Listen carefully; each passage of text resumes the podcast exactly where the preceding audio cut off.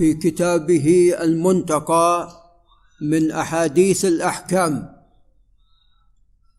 والمصنف هو عبد السلام بن عبد الله بن الخضر المعروف بن تيمية الحراني قال باب ما يستدل به على تفسير آله المصلى عليهم. وقد اختلف في المقصود بالآل في هذا الموضع على قسمين. القسم الأول أن المقصود بآله صلى الله عليه وسلم هم قرابته هم قرابته عليه الصلاة والسلام من العباس عمه وآل العباس ومن أيضا آل علي رضي الله تعالى عنه ابن عمه ومن عقيل بن أبي طالب ابن عمه وذريتهم طبعا وذرية علي رضي الله عنه من الحسن والحسين لا زالوا موجودين وذرية عقيل أيضا لا زالوا موجودين. نعم. ومنهم العدساني هؤلاء اللي في الكويت وهم من الأحساء وموجود كثير منهم في جهة جيزان وما حولها. نعم. ينتسبون إلى عقيل بن أبي طالب رضي الله تعالى عنه. نعم وزوجاته عليه الصلاة والسلام وطبعا بناته. نعم عليه الصلاة والسلام فكل هؤلاء من آله. نعم. وهو الصحيح هذا المقصود بالآل. والقول الثاني أن المقصود بآله هم أتباعه على ملته. فكل من آمن به واتبعه صلى الله عليه وسلم فهو من آله. والقول الأول هو الأصح. قال عن أبي حميد الساعدي. رضي الله تعالى عنه أنهم قالوا يا رسول الله كيف نصلي عليك؟ قال قولوا اللهم صل على محمد وعلى أزواجه وذريته. اذا هذا يبين لك أن المقصود بالآل هم ازواجه وذريته نعم.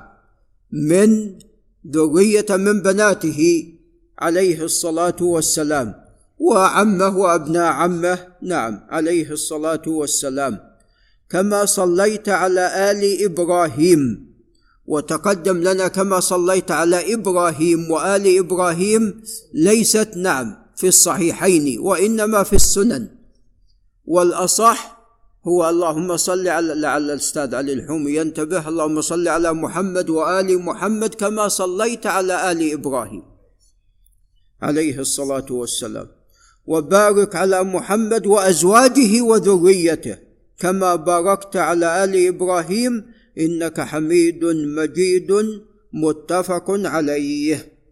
قال وعن أبي هريرة رضي الله تعالى عنه عن النبي صلى الله عليه وسلم قال من سره أن يكتال بالمكيال الأوفى. المكيال التام.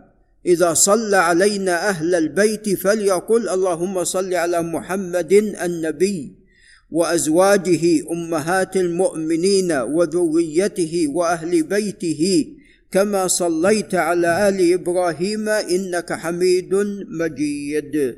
وهذا طبعا ضعيف ويغني عنه حديث أبي حميد. قال باب ما يدعو به في آخر الصلاة. الآن وصل إلى آخر الصلاة.